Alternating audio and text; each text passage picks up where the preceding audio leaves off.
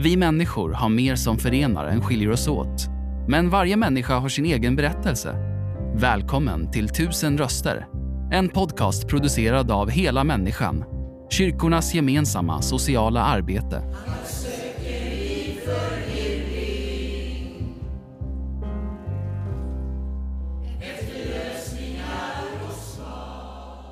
Ja, då är vi hos Hela Människans verksamhet här i Gislaved och jag träffar Linda som är 45 år gammal. Hon har två vuxna barn som två tösar på 19 och 21. Hur är Ja. läget med dig? Det är bra. Ja. Hur ofta kommer du hit till Hela Människans verksamhet? Eh, måndagar Måndagar? ska lägga på onsdagar här i november. Okej. Och um, vad gör du här? Då hjälper jag till med kläderna. Eh, rensa upp och hänger in. Eh, sen så blir jag satt i arbete av Maria eller Ingrid om jag inte har någonting att göra. Och då blir det lite blandat Mm. där det behövs. Men oftast i köket och placera ut saker i hyllorna. Hur kommer det sig att du eh, hittade hit? Eh, det är två år sedan så var jag här inne eh, och såg en gammal klasskompis. Då frågade jag honom om de behövde hjälp. Så sa han det bara, men här har du papper så kan du gå till Arbetsförmedlingen. Jag bara, nej men jag är sjukpensionär så jag kan komma när som helst. Han bara, jättebra, du är gratis, kom fort. Så det är två år sedan, sedan jag började. Sen hade jag ett uppehåll eh, nu under pandemin just för att jag mådde inte så bra. Så, att, så började jag för en månad sedan igen då. Mm. Vad ger det här dig? Ett lugn, en mening, eh, kommer ut i det sociala spelet. Man blir rätt isolerad när man är hemma och inte gör någonting. Eh, så det är väl mycket sociala spel att komma ut och träffa folk. Mm. Eh, och du befinner dig i eh, psykisk ohälsa. Du har bipolär, typ 1 och borderline. Och sen så har du även en medelsvår depression. Ja. Vill du berätta lite om hur det här påverkar ditt liv? Alltså det påverkar så pass mycket för att det är tre olika diagnoser. Och alla tre ska man hitta en balans på så att alla tre funkar. Um, och då är det den bipolära biten, då är det sova, äta när man ska. Frukost ska man äta då, vilket jag inte alltid gör. Men um, motionera, ha liksom rutiner under dagen. Uh, och borderline den går väl lite grann hand i hand där också. Um, miljö, lugn miljö. Ja. Ehm, inga... Jag håller mig borta från destruktiva förhållanden som jag har levt i sedan jag var 24 tror jag. Eh, så att, och det gör ju också att jag bor hos mina föräldrar för att de ska kunna se var jag är någonstans så att inte jag flyger iväg då. Så jag har bott hos dem i, kan det bli, åtta månader någonting nu då. Som Mm. också gjort att jag är på rätt sida av staketet som man kallar det då. Ehm, För du har mått bra nu i ungefär ett år. Mm. Jag låg inne på psyk sista gången förra hösten. Låg inne två månader. Och varit utskriven veckan innan jul. Så att december till idag har jag mått bra. Eh, då Mm. har jag också lämnat ett destruktivt förhållande i vintras. Mm. Nu är vi inne här i mitten av oktober 2022. Mm. Så det är ungefär ja, tio månader lite Mm. drygt. Mm. Och det har aldrig hänt under mina 20 år som med psykisk ohälsa. Ja. Så det är jättehäftigt. Och det är också att klara av att vara på second hand just för att jag är stabil. Mm. Annars kan det bli för mycket. Hur många timmar kan du hjälpa till där på second hand? Det är två timmar per tillfälle, så två timmar på måndagar, sen blir det två timmar på onsdagar då. Mm. Här nu i november så lägger jag på det. Mm. Ja, det är fantastiskt. Just nu sitter vi ju på den öppna verksamheten som man också driver här i, Mm. i Slaved. Ehm, men ehm, du, du sa också att du ehm, kan hamna i någonting som kallas självdestruktiv inom den egna sjukdomsbilden. Vad innebär det? Det innebär att när jag mår så dåligt psykiskt så för att avleda den psykiska smärtan och tillför man en fysisk smärta för då tar den över. Ehm, det enda är att när smärtan, den fysiska smärtan släppt då kommer ju det psykiska tillbaka och då skäms det lite till. Och så blir det en ond cirkel. Och det är då jag lägger in mig för att jag kan liksom inte justera mitt eget huvud som det ska Mm. vara då. Men du är så pass ehm, frisk eller man ska säga att Mm. du, du ser att nu är det dags att lägga in sig då. Mm, men det har också med att jag varit sjuk i 20 år så man hittar, man ser ju typ okej nu hände det att jag kanske handlade för mycket denna månaden. Okej, det gör man när man har, är sjuk i bipolära biten. Eh, och då börjar man tänka efter, ja men nu är det nog dags för en inläggning för nu är det mycket Mm. som är i huvudet. Då, för Mm. att kunna bryta beteendet. Då. Så går de in med ny medicin, justera och så är det ju lugn miljö. Där man inte behöver tänka, man behöver inte tänka på att göra mat, man behöver inte... Det enda jag behöver tänka på är att sköta mig själv liksom. Och bara prata av mig. Mm. Det här just att du kommer till hela människan där, sortera kläder och sånt i second hand-butiken. Är det en lugn miljö för dig så att du klarar av det? Ja, det är det. Eh, sen har jag sagt till Ingrid och Maria att är det så att det är någon dag jag inte klarar av att komma så kommer jag inte. Eller jag kanske kommer med bara en halvtimme. Bara för att komma iväg. Mm. För det gör ju att jag orkar mig med hemma sen. Och så. Hur blir man bemött där som volontär och medarbetare med den, den problematiken som du har? För du är öppen med Mm. vem du är och vad, vad som... Men det är stora leende och kramar och positiv energi. Framförallt de ger mycket positiv e- energi. Och det är den jag lever på. Att Mm. liksom få vara runt positiva människor. Även om alla kan ha en dålig dag men det är fortfarande en positiv energi som ges. Mm. Och det betyder jättemycket. Det är fantastiskt.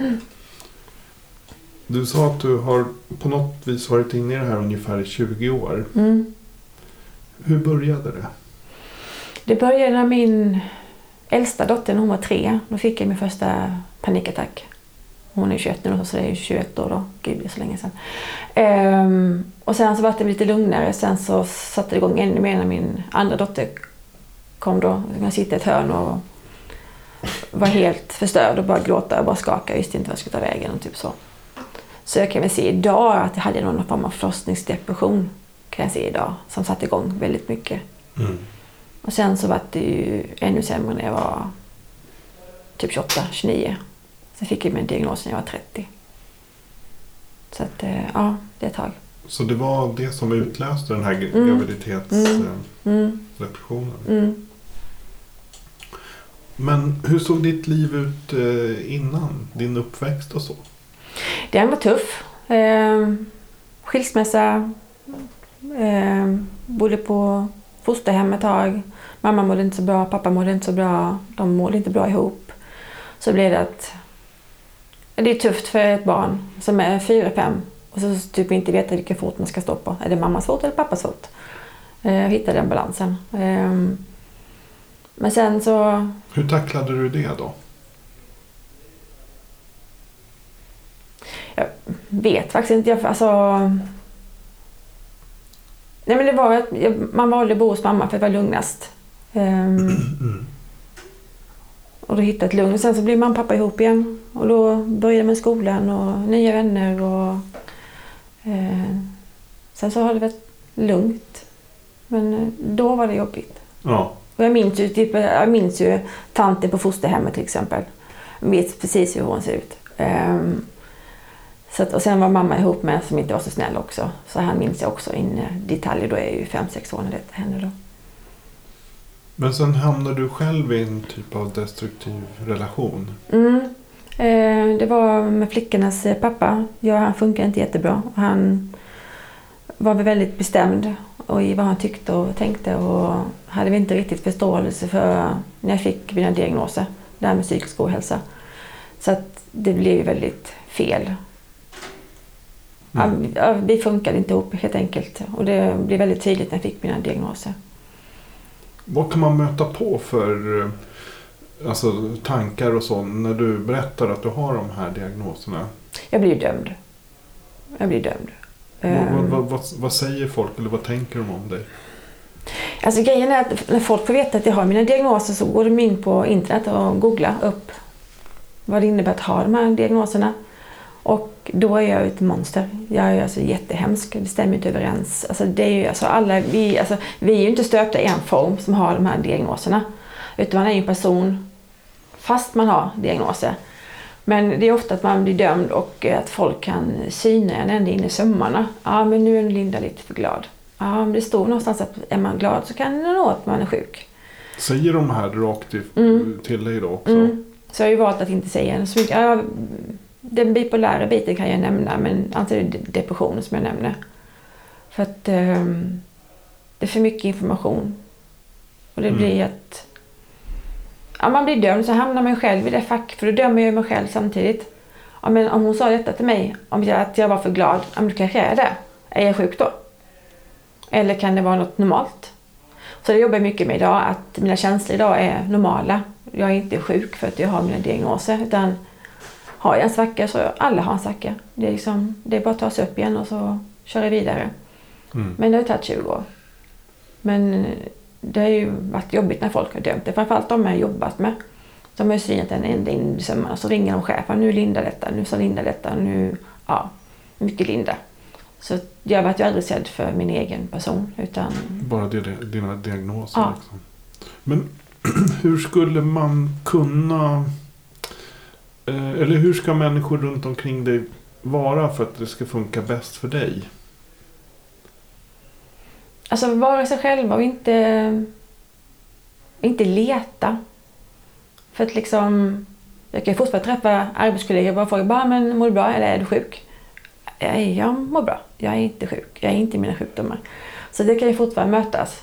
Um, fram tills, ja, egentligen sen i december då blev utskriven att nej, jag har bara en depression.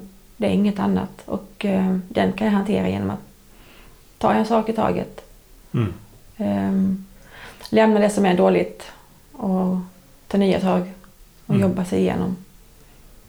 Och då har jag ju ett eh, boendestöd som hjälper mig att isolera, typ att bryta min isolering. Så jag kommer ut och går med henne en gång i veckan och eh, nu när vi börjar prata om att börja på second hand så pratar vi mycket om det och typ Visst, jag är trött när jag kommer hem men det är ju en, det är ingen sjuklig trötthet utan det är trötthet för att jag har gjort någonting. Och det är mycket tankar, mycket jobb med det. Hur ser en vanlig dag ut för dig? Ungefär? Ehm, Jag målar mycket mandalamönster. Jag har böcker och pennor och sitter i 17 timmar Wow. med en teckning. Ja, jag är helt lost. Alltså, det, ja, jag försvinner in i helt en annan värld. Så att sätter jag mig och målar, målar varje dag. Minst 4-5 timmar varje dag. Um, sen är det typ att ja, laga mat, göra det man brukar göra. Alltså det vanliga, städa, tvätta. Uh, umgås med min ena dotter då, som bor, kör varannan vecka nu när hon går i skolan. Då. Uh, sen promenader, träffa vänner. Mm. Eh, Men sen samtidigt är det viktigt att känna att men jag kan vara hemma idag. Jag behöver inte göra någonting idag. Jag kan ligga och kolla på en serie. Det är helt okej. Mm. Men eh, jag målar varje dag minst i fyra timmar. Och det gör, ger mig ett lugn. Det rensar huvudet jättemycket. Ja, verkligen. Mm. Det förstår jag. Mm. Finns det andra hobbys som du ägnar dig åt? Nej men det är väl det här klassiska. Promenader, böcker, både läsa och lyssna. Ehm, ja, det är det klassiska typ. Mm. Jag har inte så mycket mer att säga men det är tillräckligt. Vad gör dig riktigt, riktigt glad? Att se när jag har gjort mina målningar. Alltså för jag, jag sitter inte och tänker på vilken färg jag ska ha var någonstans utan det bara händer, det bara flödar på. Så när man bara typ tittar på, men gud, det här blir skitbra med massa färger. Och det gör mig jätteglad. Att jag typ, jag tänker inte när jag gör det utan det visar att jag faktiskt kan slappna av och vara här och nu. Är det som glad. i trans nästan när du gör dem ja, där? jag är helt väck. Alltså väck, jag är positivt väck. ja. Ja. Ehm, så nej, det det, är, det är väl det som gör mig lyckligast för stunden i alla fall. Att orka eh, vidare. Jag vet grann här typ att om jag mår bra, att jag måste själv gå i första hand. För att klara av min omgivning eller mitt liv. För att kunna sätta andra i första rum så länge jag har satt mig själv först. Mm. Det låter lite luddigt men ta hand om mig själv först för att kunna ta hand om andra sen. Har du gjort tvärtom tidigare? Ja, jag släpper mig väldigt snabbt själv. Ehm, och det är mycket det jag har jobbat med detta året. Ja, att jobba mycket, att vara mig själv, att lita på min egen person. Eh, Den siktar ju lite grann ibland om man funkar eller inte funkar. Men det är min borderline som kickar in där att eh, man nedvärderar sig själv och tror att nej, men det funkar nog inte. Nu har jag nog sagt någonting jag inte skulle säga. Eller personen är arg för jag sa någonting. Eh, Man ifrågasätter sig själv väldigt mycket. Mm. Mm. Och det är också någonting jag jobbar med väldigt mycket. Att jag är den jag är. Ta det eller gå. Har du fått hjälp från samhället med samtalsstöd och sådana saker? Ja, via psyk. Jesse? Mm. Ja. regelbundet eller är det när du blir inlagd då? Ehm, regelbundet om jag behöver det. Mm. Ehm, jag har gått någonting som heter DBT. Eh, det är dialektisk beteendeterapi där man lär sig som borderline-patient eller vad man ska säga eh, hur man ska hantera olika känslor. Jag har en massa olika eh, moduler som man går igenom. Där jag ska lära mig att förbereda mig. Som typ idag. Ja, men då målade jag lite extra länge igår för att typ lugna ner mina tankar. Ehm, vad kan ett sånt här, en sån här möte eller sitta i en podd, vad kan det skapa för känslor för dig? Nej men det är väl att eh, kommer det funka? Kommer jag funka? Eh, ja, det är väl lite grann mer det. Men i och med att jag satt så länge igår med, med målningen går och jobbar igenom idag så känns det ett rätt så att, ett lugn. För att kan jag hjälpa någon med bara en liten bit så betyder det jättemycket. Ehm, just för att jag har varit så pass sjuk under så lång tid. Och visat att man kan faktiskt komma ur. Mm. Ehm, trots Har- att man haft det jobbigt bakom. Har du någon aning om hur många människor som lider av det här i Sverige? Är det vanligt eller? Jag tror det är mer vanligt än vad folk vill Mm. säga. Jag tror många är tysta just för att man blir dömd. Man blir det? Ja, man blir dömd. Det går inte att komma ifrån. Man, Ehm, jag, jo, jag pratade med mitt boende där om när man ska berätta sina diagnoser eller inte. Så vi kom fram till att nej, det räcker med bipolär typ 1 och depression för att folk förstår inte borderline. Så den nämner man inte. Om man inte känner att ja, men nu skulle jag kunna berätta detta. Jag hoppas på att den personen inte googlar upp mig totalt och målar upp mig som fan. Ehm, men just borderline, den nämner jag inte jättemycket. Eh, inte för jag skäms inte för den, för jag har den och den har gjort mig till den jag är idag. Och jag är stolt över den jag är idag. Mm. Men jag har också kämpat för att komma hit. Um, men borderline är ingen diagnos jag direkt skyltar med. Nej. Utan den får väl ligga skvalpa lite grann känner jag men nu kan jag nog nämna den. För att då vill man att folk ska känna mig först innan, innan mina diagnoser. Verkligen, Ja, men det är jätteviktigt. Hur skulle man kunna stödja personer som lever ungefär med liknande diagnoser som du? Alltså från samhällets sida. Vad skulle man kunna göra för att förenkla eller förbättra er dag? I mitt fall har det nog varit att jag har fått ett, ett eh, boendestöd som hjälper mig. Eh, vi träffas en till två dagar i veckan. Ehm, en halvtimme per stund. Så man går man en runda och så, sitter, så pratar man. Så att, eh, och det har hjälpt mig jättemycket. För då har jag inte behövt ha hjälp från psyk. Eh, Är det svårt att få sån hjälp? Nej, Nej. du bara säger till din läkare att eh, jag vill ha boendestöd. Så skickar han iväg en remiss till eh, kommunen och har de tre dagar på sig någonting. Och sätta igång med intervjuer och prata med en. Och, Kan man själv vara med och stö- liksom styra vem det blir? Eller? Alltså om jag träffar någon som nej men den här personen klickar jag inte med. Den här vill jag inte ha. Och då ringer jag ju typ eh, kommunen eh, och säger att nej ni får ge mig någon annan. Det funkar inte så bra. Mm. Och då får man det. Så det, är ju jag som styr. Att, att man kan styra och Mm. att man får det där så Mm. relativt lätt. Men då är det för att du har diagnoserna Mm. så att säga. Ja, de har en rättighet. Men för de som kanske inte har en diagnos eller så. Finns det annat som man kan göra eh, så att säga i samhället på något sätt. På arbetsplatser eller i skolan och så. För att förenkla, för förbättra vardagen för människor som har oupptäckta diagnoser till exempel. Alltså det är jättesvårt för att innan jag fick mina di- di- diagnoser så var jag ju, vad heter det, en, eh, en, en jobbig anställd. Eh, jag ifrågasatte saker eh, väldigt starkt också. Vilket inte uppskattas jättemycket. Ehm, och då, då, då, det blir ju svårt för en chef att hantera mig som personal. Just för att jag är bara obekväm helt enkelt. Eh, men däremot när jag fick min diagnos så var det en annan, ett annat arbetssätt från mina kollegor och från mina chefer. Men det, det är svårt. Eh, Men jag tycker att känner man sig missförstånd förstådd så tycker jag att man ska söka. Man kan söka kurator på vårdcentralen. Man kan börja där. Det gjorde jag. Ehm, Mm. och då sitter man bara och pratar och där upptäcker ju också kuratorn att men det är nog någonting extra, du behöver träffa en läkare. Och då ordnar de det och så blir det remisser och så körs allting igång då. Om man vill. Det är inte alla som vill, inte alla som vågar. Nej, det kan vara känsligt. Och, Ja, just att få det på papper. Att, eh, ja, det, det, det är väldigt tufft att få det på papper att shit, jag har någonting. Men sen samtidigt för min egen del så fick jag svar på mina egna frågor. ehm, som har hjälpt mig att få rätt vård. Eh, Jag tänker på grundskolan och gymnasiet och sånt Mm. Jo. Uh, säger du.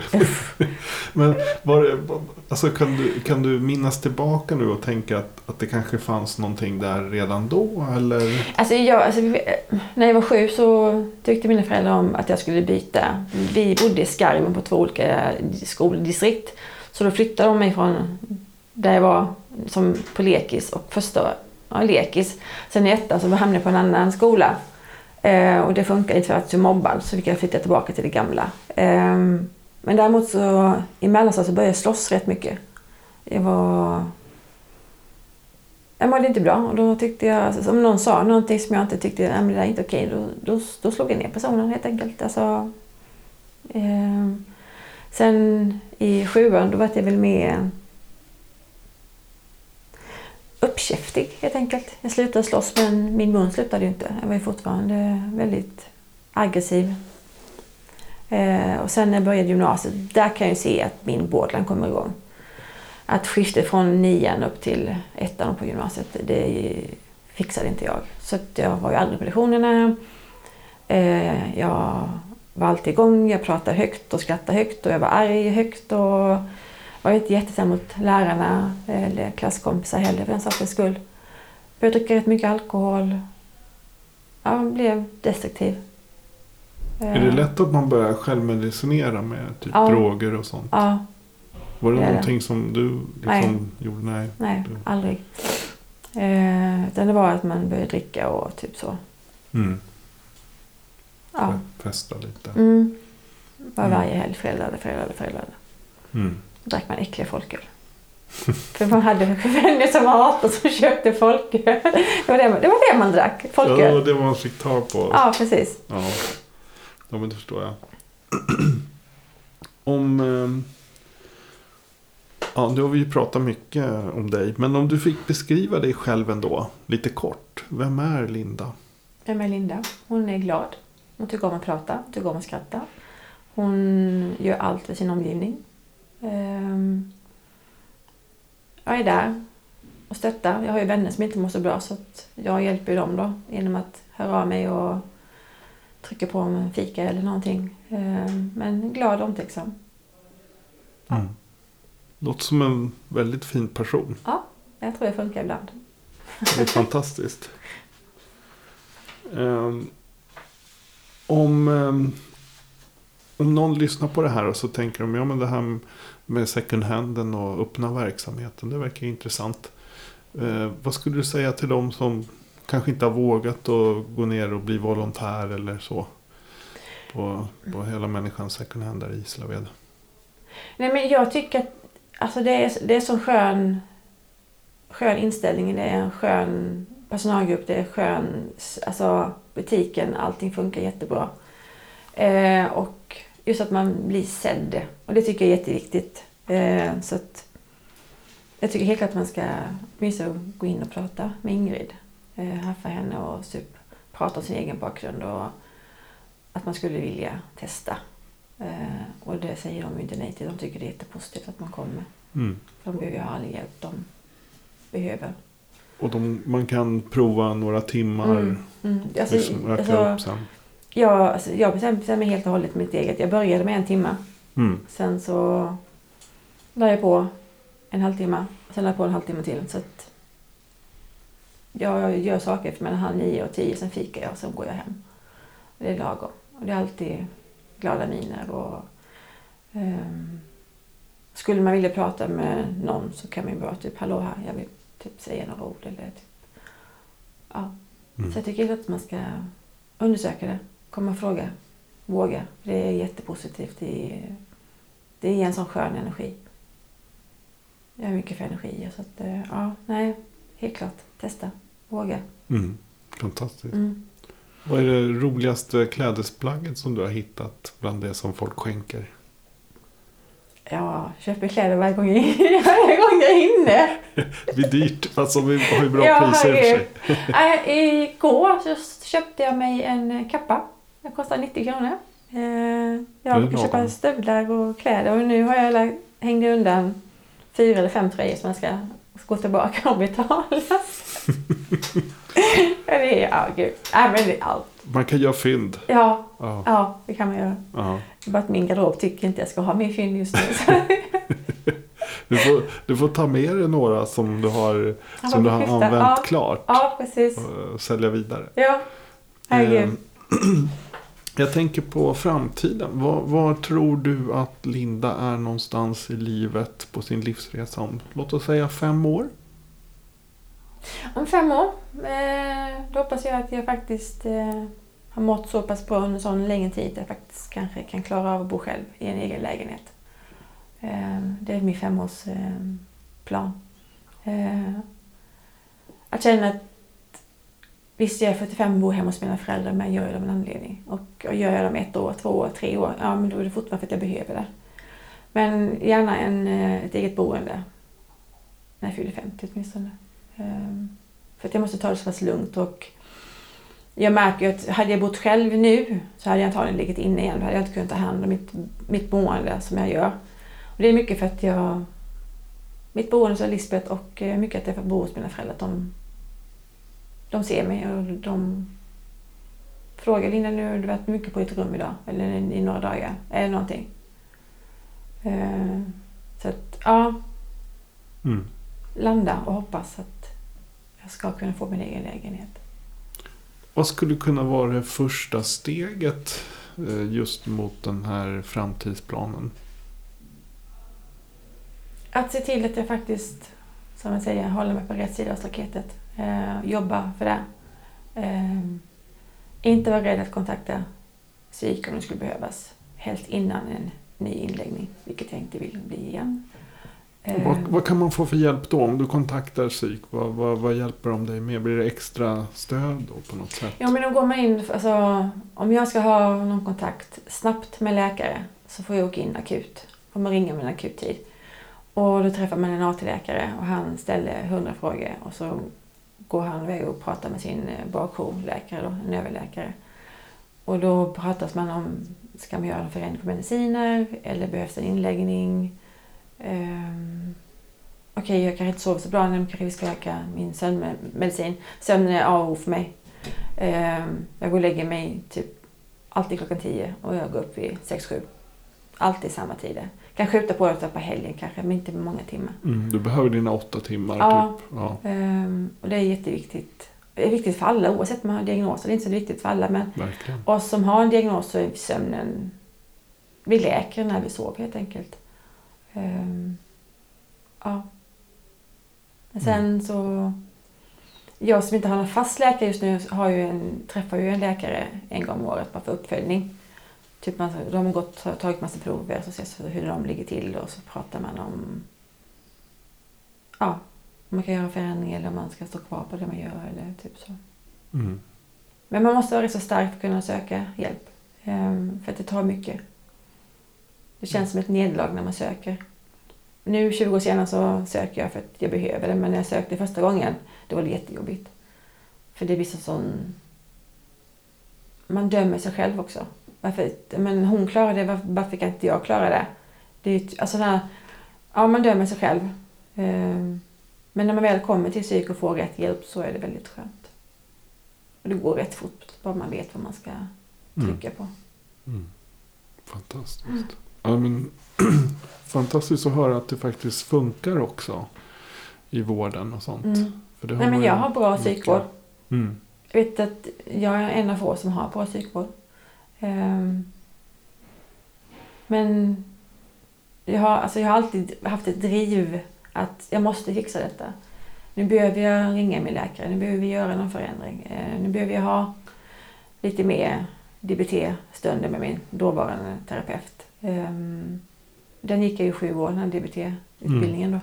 Så den har gjort jättemycket. Ehm, och har man båda så begär om en plats i en DBT-grupp. För den gör underverk. Vad står DBT för? Dialektisk beteendeterapi. Där man lär sig hantera olika känslor. För att jag har ju inga normala känslor, eller vad nu är normalt är. Men jag känner lite extra mycket än vad en normal människa gör. Ehm, och går man då DBT så får man lära sig hantera känslor. Ehm, planera. Ehm, som idag visste jag att det skulle kanske vara lite jobbigt att komma hit. Men då satte jag mig och målade lite extra igår. Och höll på lite extra på kvällen bara för att landa. Mm. Så man lär sig väldigt mycket. Mm. Som man gör. Så DBT är någonting jag rekommenderar för de som har borderline. Verkligen. Mm.